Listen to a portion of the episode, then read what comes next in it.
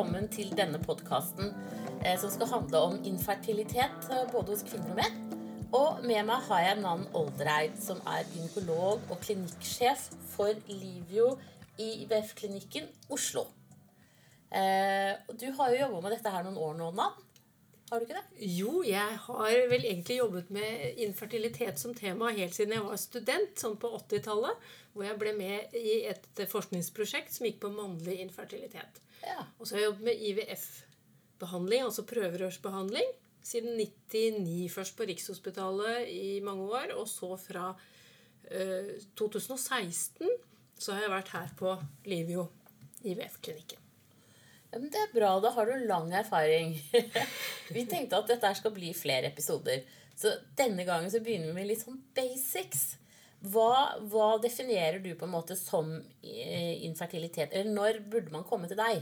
Ja, altså Verdens helseorganisasjon de definerer ett års samliv uten bruk av prevensjon som subfertilitet eller infertilitet. Ja.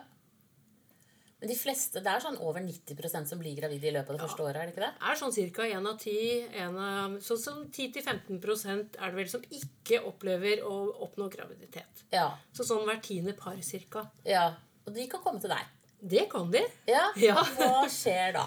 Ja, så Det er jo da sånn at når tiden går, og paret ikke har oppnådd graviditet, så bør de ta kontakt med en lege. Ja. Det kan være at de tar kontakt med fastlegen. Det kan være at eh, kvinnen kanskje av og til går til en gynekolog, sånn at de tar kontakt der. Eller det hender at de tar direkte kontakt med oss som jobber på IVF-klinikker. Mm. Er, er dere tilknyttet noe sånn Nav-system, sånn at man kan få det på Nei, det er vi ikke så, så Da blir det jo litt dyrere eh, enn om man går til fastlegen eller til en gynekolog som har avtale. Ja. Ja, for det er det man må ha avtale. ikke sant? De mister jo ikke akkurat med dem. kan man jo si. Og så var det litt det med alder. At det, særlig for kvinner så er et halvt år nok hvis du er over 35.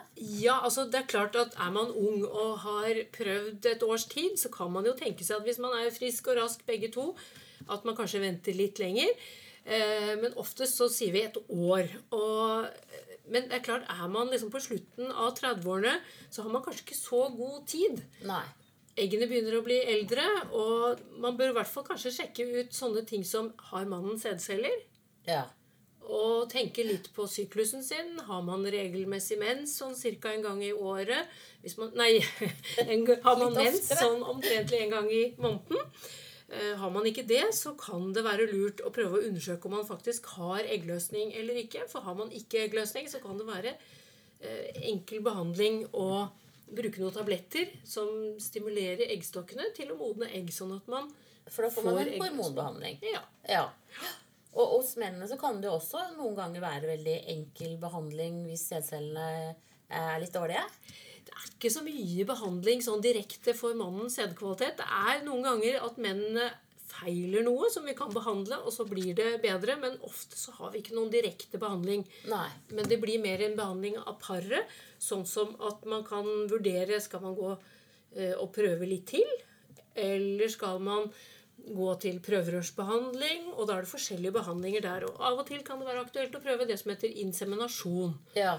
Og så kan det være sånn at mannens sædprøve ser dårlig ut, men så var den ikke det. Fordi kanskje han var så uheldig at han mistet litt av prøven eh, på gulvet. Ikke alt kom opp i koppen. Oh, ja. Og da kan det kanskje være den porsjonen hvor det var flest sædceller. ja.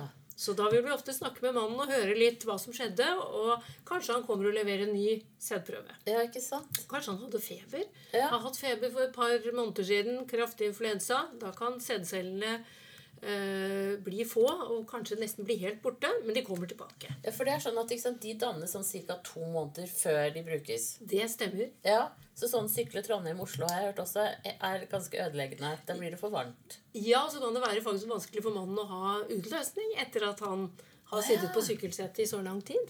Ok, men, men er det sånn at sædceller blir dårlige hvis de er for lenge i pungen? Sånn generelt? Altså Hvis du sier at det er vanskelig å få utløsning? Ja, altså det er jo sånn at de laves i pungen i testikkelen. Ja. Og det tar, som du sa, et par-tre måneder. Ja. Og så oppbevares det i en liten tid hvor de ettermodnes i noe som heter bitestikkelen, som er en liten ja. myk struktur som ligger helt inntil testikkelen. Ja. Og så kommer de videre ut den lange sædlederen og ut. Og hvis mannen har litt sjelden eh, utløsning, litt, ikke så ofte, Ja. så kan det bli litt dårligere bevegelighet, og det kan være litt uh, Utseendet ikke er så fint. Så det lønner seg nok å ha samleie et par-tre ganger i uken hvis Ja. man prøver å oppnå graviditet. ja. Eh, Og da, sant, da, når du da sier at de ikke ser så pene ut, så regner jeg med at da, da er det helt spesielle ting du ser etter. Og bevegelsen. Hva ser man etter på en sædcelle? Ja, vi, vi ser jo at de har en passe stort hode, og at de har én hale, ikke har doble haler. Ja. Og at hodet ikke er for stort og ikke for lite. Og at de svømmer. At de skal svømme rett fremover. Ja. Og ikke sånn på stedet hvil. Noen ganger så kan det være en del døde sædceller også. Er de vanskelig å komme forbi for de friske? Eller er det sånn Ja, Vi må ha en porsjon med, vi må ha en god porsjon med levende sædceller. Ja. De er nok litt sånn flokkdyr, de sædcellene. Ja, ikke sant? Og så eggcellene, hva ser dere på der? Går an, altså studer, kan man studere dem på samme måte, liksom? Det er jo ikke så lett å se på eggcellene, for de er jo inni kroppen, og det kommer et egg som løsner. Mm. Så det er mest ved, det er ved prøverørsbehandling kan vi se Ja. hvordan egg ser ut. Ja. Men så kan vi jo ikke teste de. Nei, ikke sant? Men vi kan teste om kvinnen har eggløsning. Og vi kan følge henne med ultralyd for å rett og slett se at her kommer det en eggpose. En eggpose er en sånn væskefylt liten vannblemme omtrent. Ja. det er et egg inni egget kan vi ikke se, for det er en tiendedels millimeter stort. Oi. Og så kan vi se etter at eggløsningen har vært, så kan vi se at her har det vært en rest etter en sånn eggpose. Ja. Kan dere se et ja, for Når egget er blitt befruktet, da kan dere se at det triller nedover egglederen? Eller er det for lite da Ja, det er for lite. Et egg og et befruktet egg er bare en tiendedels millimeter. Ja. Selv når egget er fem-seks dager og nærmer seg et tidspunkt for at det skal feste seg, så er det omtrent samme størrelse. ja. Så man må ha mikroskop for å se egg og et befruktet egg. Ja, jeg skjønner det. Jeg har fortsatt mye å lære. det er bra. Men, men så kommer de til deg da, og så sier de at, eh, at de har prøvd det i ett år. Hva gjør dere da? Ja, først så må vi ha en samtale med paret. Ja. Det kan jo være at de feiler noe som gjør at de er disponert for at det er noe med sædcellene, at det er dårlig med sædceller eller få sædceller, eller at det kan være noe med hennes eggløsning. Det kan være at hun har hatt infeksjoner. Ja. F.eks. hatt klamydiainfeksjon noen ganger. Ja. Og hvis man har, har hatt det, så er det større risiko for at egglederne kan påvirkes. Og da At de blir tette. de blir tette av en infeksjon. Ja. Ja. Så er det noen som kanskje har hatt en alvorlig infeksjon i bukhulen mange år tilbake. F.eks. en blindtarmbetennelse hvor blindtarmen sprakk. Da kan det også være en større sjanse for at det kan bli noe arr inni bukhulen. ja. Vi, vi slet litt med å lage nummer to, så jeg ble sendt på sånn uh, røntgen av egglederne. Ja. Nå husker jeg ikke hva det heter på fint. Men, uh, og da mente man jo også at det kunne være med på å åpne litt sånn tette eggledere. Tenker man fortsatt det? Dette er jo 21 år siden. ja. Det er nok mange som har opplevd at de ble gravide etter en sånn undersøkelse. Men om det var undersøkelsen eller at de hadde blitt gravide likevel, det vet vi ikke. Nei. Vi da tror vel ikke det hjelper. fastlegen min liksom Ja. mente at det kunne hjelpe. da. Ja, det er nok mange som tror det. Men i dag så gjør, eh, gjøres også røntgen, men det gjøres ikke så mye. Vi gjør det ofte hos det er en undersøkelse hos en gynekolog. Og hvor vi setter inn litt væske i livmoren, og så følger vi med ultralyd hvordan den væsken fordeler seg gjennom egglederne. Ja. er det- det noe dere gjør her? Det gjør vi. Ja, For da er det en del av den utredningen, vil jeg tro? kanskje? Det stemmer. Ja. Ja. Um, og så, og så um, uh, Så har man da, da er man her har den en samtale med dere. Tar dere noen blodprøver? I hvert fall av damen, kanskje? Ja, vi tar blodprøver av begge to. Ja. Ja, Hos et par hvor det er snakk om at kanskje blir prøverørsbehandling, eller litt mer Altså en behandling hvor vi tar ut eller behandler sædceller eller eggceller, da må vi ha hepatitt og hiv. Ja. Og det er eh, et sånt EU-direktiv. Sånn at når man behandler celler og vev, så må man ha hepatitt- og hiv-prøver tatt.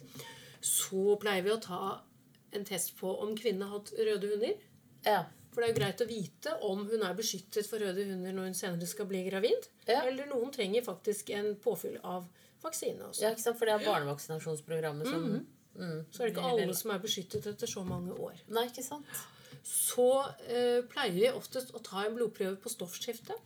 Ja. For vi vet at stoffskifte kan påvirke eh, også eggløsning. Det kan påvirke fertilitet. Ja, Så da, det er en liten blodprøve som vi tar. ja ikke sant? Ja. Og så tar vi også ofte en blodprøve på, for å si noe om egglageret. Det er en prøve som heter AMH, eller antimullerhormon. Ja.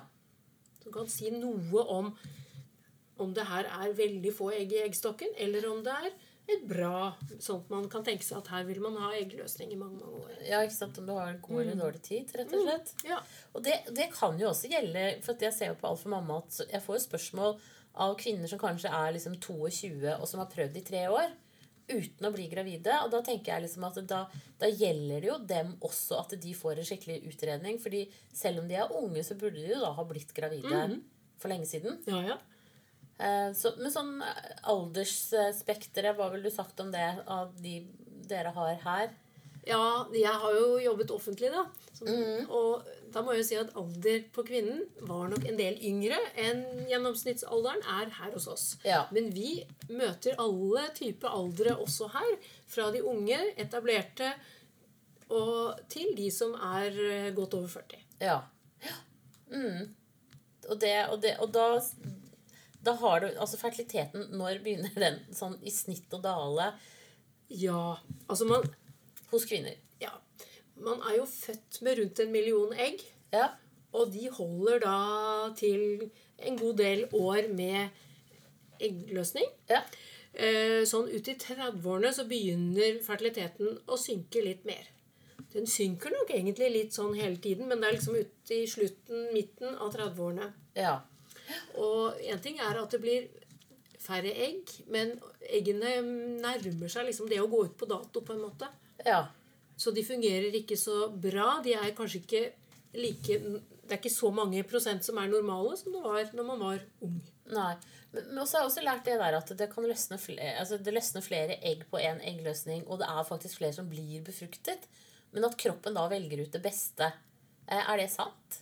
Det løsner stort sett ett egg. Ja. Men vi ser jo da hos, i snitt så kan man se fra fødselsregisteret at de som er i slutten av 30-årene, de Ja. har oftere sånn at det løsner to, for de blir ofte gravid spontant med tvillinger. Ja. Og det kan nok tyde litt på at da begynner liksom den fertilitets... Eller den perioden av livet hvor fertiliteten har vært bra, begynner å bli litt dårligere.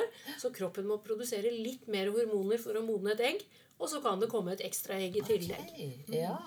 Men det er som du sier at det beste egget Ja, det, er, det vet vi ikke helt, men vi vet at kanskje tre kvart år før en eggløsning så plukkes de eggene ut som skal brukes til eggløsning. Kanskje tre kvart år, kanskje et år frem i tid. Yes. Og da er det kanskje et sted mellom 500 og 1000 egg som blir plukket ut. ja. Og så blir det i den perioden som går videre da, over de månedene videre, så blir det færre og færre og færre, og færre egg. Og til slutt så ender man opp med ett, kanskje to. Som- de som liksom er mest optimale? Men det det vet vi ikke. Nei. For vi vet ikke så mye om akkurat det som skjer inni Ok. Så, så det der at når man har en blødning rett før eller rett etter mensen, er det eh, å allikevel bli gravid, liksom, på en måte eh, er, gravid, altså, er, Så Det er ikke sånn at man kan ha et ekstra befruktet egg som bare forsvinner. Det har jeg liksom lært, men det er, det kanskje helt feil. Ja, ja, nei, altså det har jo vært diskutert Kan man ha flere eggløsninger Ja. i en syklus? ja. Og det eh, trodde ikke jeg, men det tror man kanskje at man kan. Jeg, vet du hva, Det der kan jeg ikke så mye om, så jeg tør ikke å si det sånn uh, Jeg har også lært det med bastant. hyppig sex, at det kan gi eggløsning utafor forventet eh, eggløsning. Ja, altså Å ha sex kan føre til eggløsning. Ja, Det kan sant? hjelpe til å stimulere. Så det Noen sier til meg at da er det lettere å bli gravid. selvfølgelig. Ja, men For det kan jo da forklare at man, at man får en annen termin enn det man trodde man skulle fått. Eh, Fordi man faktisk hadde eggløsning før eller etter der hvor man pleier å ha det. da. Mm, det kan jo tenkes. Ja. Men men da har vi liksom eh, dekket stort sett sædceller og eggceller. Eh, og så eh, så- var vil dere da Da innkaller dere til en ny samtale da, for å se på blodprøvesvar og, og sånne ting videre. Eh, er det ofte at det handler bare om å få i gang en eggløsning? Det gjør jo det hos de som har sjeldne menstruasjoner. Så hvis man har en menstruasjon som ofte er lenger enn 35 dager, mer enn en sånn 6-7 uker, så kan det ofte være sånn at kvinnen har blødning uten å ha, ha mensblødning uten å ha eggløsning, faktisk. Ja. Ja Ofte kan det være det som heter PCO, eller PCOS, polycystisk ovarialsyndrom. Ja, De har jo veldig sjeldent eggløsninger. Men de har jeg lært er fertile i lengre alder pga. det. da. Ja, om de er fertile i lengre alder, det vet vi ikke, men de har i hvert fall egg eh, i mange år. Og jeg, jeg tror nok at de kanskje kommer får regelmessig menstruasjon bare de blir litt voksnere. Ja, ikke sant? Eggkvaliteten er nok den samme, men de Ja. har nok egg. Ja. Kvinner med PCOS de vil ofte få regelmessig syklus, bare de blir litt voksnere. ja. Eh, Så er det en del med PCOS som er overvektige også. Ja. Og da kan det hjelpe den eh, gruppen kvinner ofte bare gå ned noen få kilo. ja. Bare så snu den Litt, eh, ja, og ja. Gå litt ned i vekt, og kanskje trene litt mer. Eh, tenke litt mer livsstil med hensyn til hva man spiser, og når man spiser. Og, og bare liksom redusere litt grann på, på vekten, så kan det være nok det til å, å få eggløsningen i gang igjen. ja. Det er jo kult, da. At det ikke nødvendigvis skal så mye til. Ja. Rett og slett. Mm, Det er veldig positivt. For det regner jeg med at men Driver dere med kostholdsråd og sånn? eh, Du snakket om i forhold til mannlig infertilitet at det der også er, kan være en del å hente på kosthold. ja, vi snakker jo om kost. Ja. Parene. Ja. Ja. Er det spesielle vitaminer eller mineraler som er befordrende? Altså, Vi anbefaler jo at alle kvinner som skal bli gravide i Norge, skal ta folsyre. Ja. Folsyre det er et vitamin, et B-vitamin. Og fordi vi har for lite av det i eh, jordsmonnet vårt, så må vi ta et tilskudd. Ja. Så har det vært litt diskutert det med jod Ja. tilførsel hos kvinner. Fordi det viser seg at det er så mange forskjellige eh, ulike kosthold for tiden. Ja. Og man er avhengig av nok jod for den barnet man bærer på under graviditeten, sin helse. Ja. Så derfor så anbefaler vi at man får i seg litt hvitfisk, litt yoghurt, litt melk, litt osteprodukter. Og da er man sikret i forhold til jodtilskuddet. ja, ikke sant. Og så er det jo da spørsmålet om hva med D-vitamin. Vi som bor her i nord, vi, eh, vi lager jo ikke noe særlig D-vitamin mellom september og mars. Nei. Så vi, du og jeg, Siri, vi er jo Ja. vokst opp med at vi fikk tran som barn. Ja.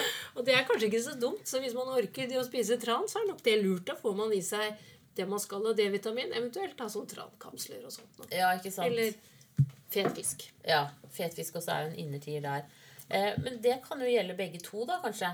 Både mannen og kvinnen? Ja, altså det er jo vært litt interesse om kosthold og mannen også. Ja. Og vi vet at overvekt hos mannen har nok kanskje noe å si for sædcellene, men da skal det nok kanskje ganske kraftig overvekt til Ja. for at det har veldig negativt å si.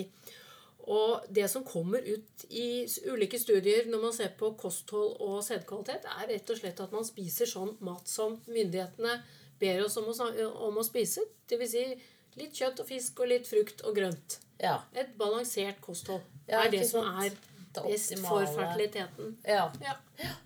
Uh, og jeg tenker på sånn som det med, med forlate sånn, Det øker jo ikke egentlig fertiliteten i seg selv. Det er jo mest det at det er trygt i forhold til ryggmargsskader hos fosteret. ja, det stemmer. Eh, og, og da skal man jo på en måte prøve å ha tatt det tre måneder i, i forkant. Så det må vel være et av de første rådene dere gir. Forlat. Ja, det står på brevet de får fra oss. Så står det på Ja. oversikt så står det at man må ta forlat. Ja. Anbefaler det. Ja, ikke sant? Men det er jo andre sykdomsting, småting, holdt på å si. Altså sånn det der med, med mm, blødningsforstyrrelser eh, Nei, koagulasjonsforstyrrelser i blodet, f.eks. Som kan jo Men det er kanskje ikke så mye på fertiliteten. Det går mer på at man aborterer ofte. Ja, det er en lang diskusjon. Ja. Men det er ikke noe som vi undersøker uh, under infertilitet. Nei. Nei. Det er mer når de For de som aborterer, de kommer ikke til dere. Jo, det hender også. De som Ja. aborterer flere ganger og kommer til oss. Ja. Nå er det en stor diskusjon om det med eh, koagulasjonsforstyrrelser i seg selv Ja. Har noe å si for det. Ja. Kan forklare det. Man trodde det lenge, men man tror vel ikke det i dag. Nei. Og progesteron, altså hormonene etter at man har blitt gravid. Ja, Er det noe dere er opptatt av? ja altså hvis man Vi ser jo da på tidspunktet for eggløsning, og så ser vi liksom hvor lang tid tar det til neste menstruasjon kommer. Ja. Ofte så skal den være en, rundt 14 dager. Ja. Uh, hvis man er i tvil om kvinnen har hatt eggløsning, så kan man ta en blodprøve en ukes tid etter tidspunkt for eh, forventet eggløsning, eller en uke før forventet menstruasjon. Ja. Og da kan man måle progesteron i blod for å se om hun har hatt eggløsning. For har Ja. man hatt eggløsning, så produseres det progesteron fra den eh, resten etter eggposen. ja. Og det er viktig i forhold til at man skal beholde en graviditet. Ja, Men om det hjelper å gi noe progesteron, det er usikkert. Man brukte mye av det tidligere, Ja.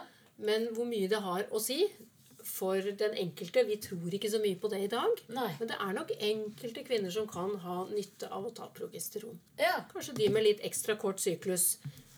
ja, for det også er jo et problem. De som har veldig kort syklus, hva kan man gjøre da? Ja, Da er det jo greit også å se hvor når har hun egentlig eggløsning. Og ofte så finner man at eggløsningen den kommer ganske tidlig i syklusen. Og så er de 14 dagene der etter Allikevel, allikevel. Så du kan nesten ha eggløsning mens du har mensen, da? Ja, rett etterpå. Ja. Så da hender vi at vi følger kvinnene en måned, og så ser vi liksom, følger vi den eggposen, og så tar hun eggløsningstest, og så ser vi hva skjer. For Ja. å prøve å forklare og se. Noen ganger kan det være kvinner som har veldig kort syklus, som rett og slett ikke hadde eggløsning i det hele tatt. ja. Og da må vi hjelpe til med noen hormoner. sånn at de For, kan for kan liksom Men det er ikke sånn at du da Det vil sikkert variere om du da får eggløsning annenhver gang eller eh, eh, sånne ting. Men, eh, men når du da sier at dere følger tett opp, vil det si at kommer de inn her flere ganger i uka og tar blodprøver, eller er det liksom ja, da kan de komme hit til en ultralyd, og så ser Ja. vi om det kommer en eggpose. Ja. Og så kan vi følge om noen dager igjen, avhengig av hvor stor den eggposen er. Og så ser vi hvor stor den er, og så tester hun med eggløsningstester selv, og så ser hun når hun har eggløsning. ja. Og det stemmer fortsatt at egget lever i 24 timer, eller har det endra seg? Ja, egget har kort varighet. ja. Ja. Så derfor er det veldig viktig at par som prøver, og som tar sånne eggløsningstester, eller kjenner på seg selv når de har eggløsning, Ja. eh, at de har samleie før eggløsningen. ja. Det er en fordel. For egget har kort holdbarhet. Og sædceller de kan leve i hvor lang Ja, tid? Det er vanskelig å si. Hvis jeg har de på benken på laboratoriet, så lever de ikke så veldig lenge. Nei. En dag eller to, er eller noe sånt. Alle, Ja, ja, Eller om du har de i varmskap også. Ja. Men derimot så ja. tror vi at de kan leve veldig mye lenger i egglederne. Kanskje de kan leve en uke, kanskje de kan leve lenger. Man har fra studier av dyr sett at, uh, at sædceller kan faktisk leve veldig lenge inni egglederne. Akkurat som de på en måte gjemmer seg litt inn i sånne folder, og at de får noe slags får næring, næring. eller at de Oi. Ja. Da tenker jeg veldig på de spørsmålene jeg får om hvem som lurer på som er far til barnet. ja, det kan etter Altså, hvert bli da kan vanskelig. du skikkelig være ute og kjøre deg. Uff. Ja, der må vi vel gå over på at sånn DNA-tester er vel det beste. Får vi si der. Eh, men men eh, hvor altså, Går det an å si noe sånn i snitt om hvis man, hvor lang tid det tar å få orden på en syklus? Er det liksom når du da, Hvis du da har uorden enten for kort eller for lang, og får eller hormoner fra deg, da hvor lang tid tar det å regne? Liksom? Tre måneder? Et halvt år? Eller kan man si noe generelt om det? Ja, altså Hvis kvinnen er overvektig, og hun klarer å snu litt på livsstilen og gå ned og endre litt på livsstil og kosthold, så er det så lang tid det tar. Og så Ja. kan hun få en permanent, regelmessig syklus. Ja. Eh, er det ikke det som er bakgrunnen, så kan det jo ofte være det med PCOS som vi snakket om sist. Og da gir vi ofte noen tabletter. ja.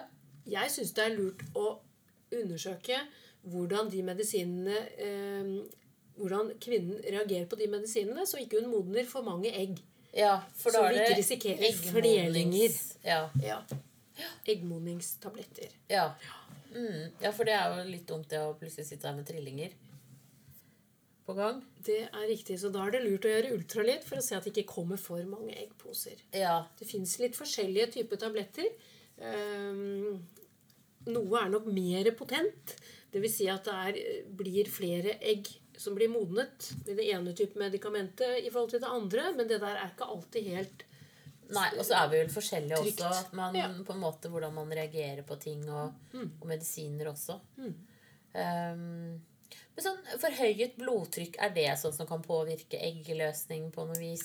Det vet jeg ikke, men har man forhøyet blodtrykk og tenker å bli gravid, så Ja. bør man ta opp dette her med sin fastlege og sørge for at man får dette kontrollert.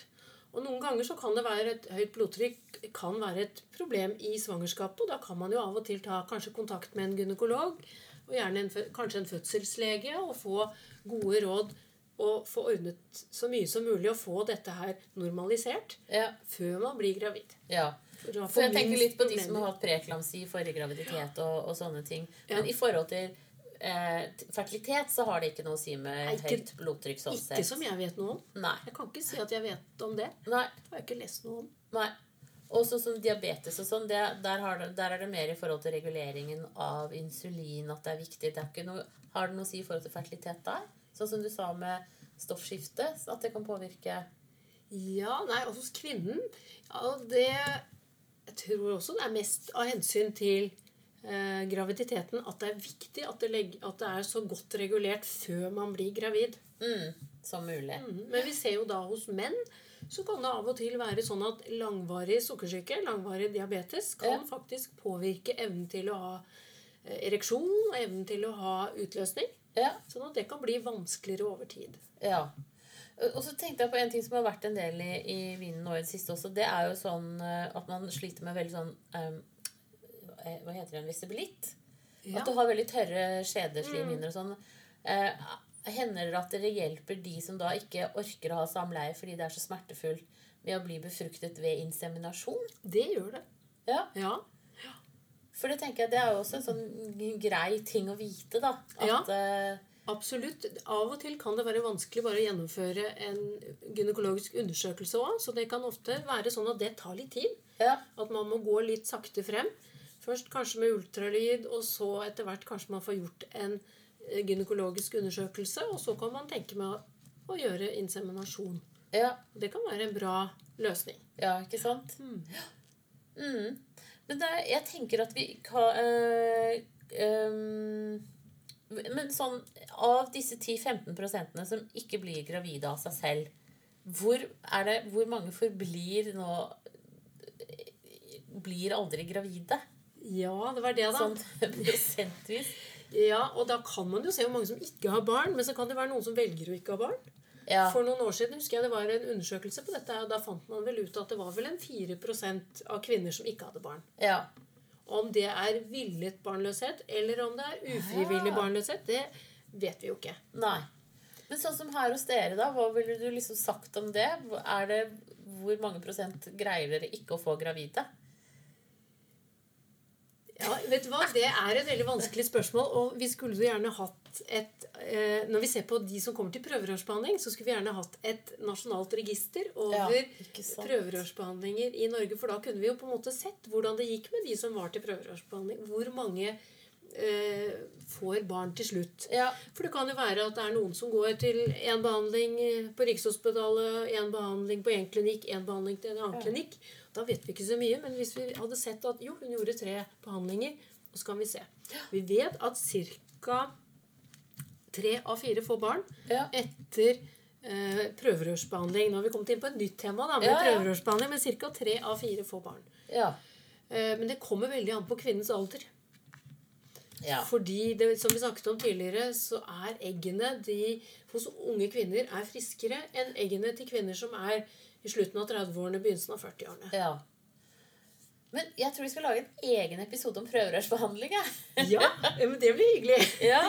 Så da takker jeg deg nå, Nan Olreir, fra uh, Livio IVF-klinikken i Oslo. Og så snakkes vi snart igjen.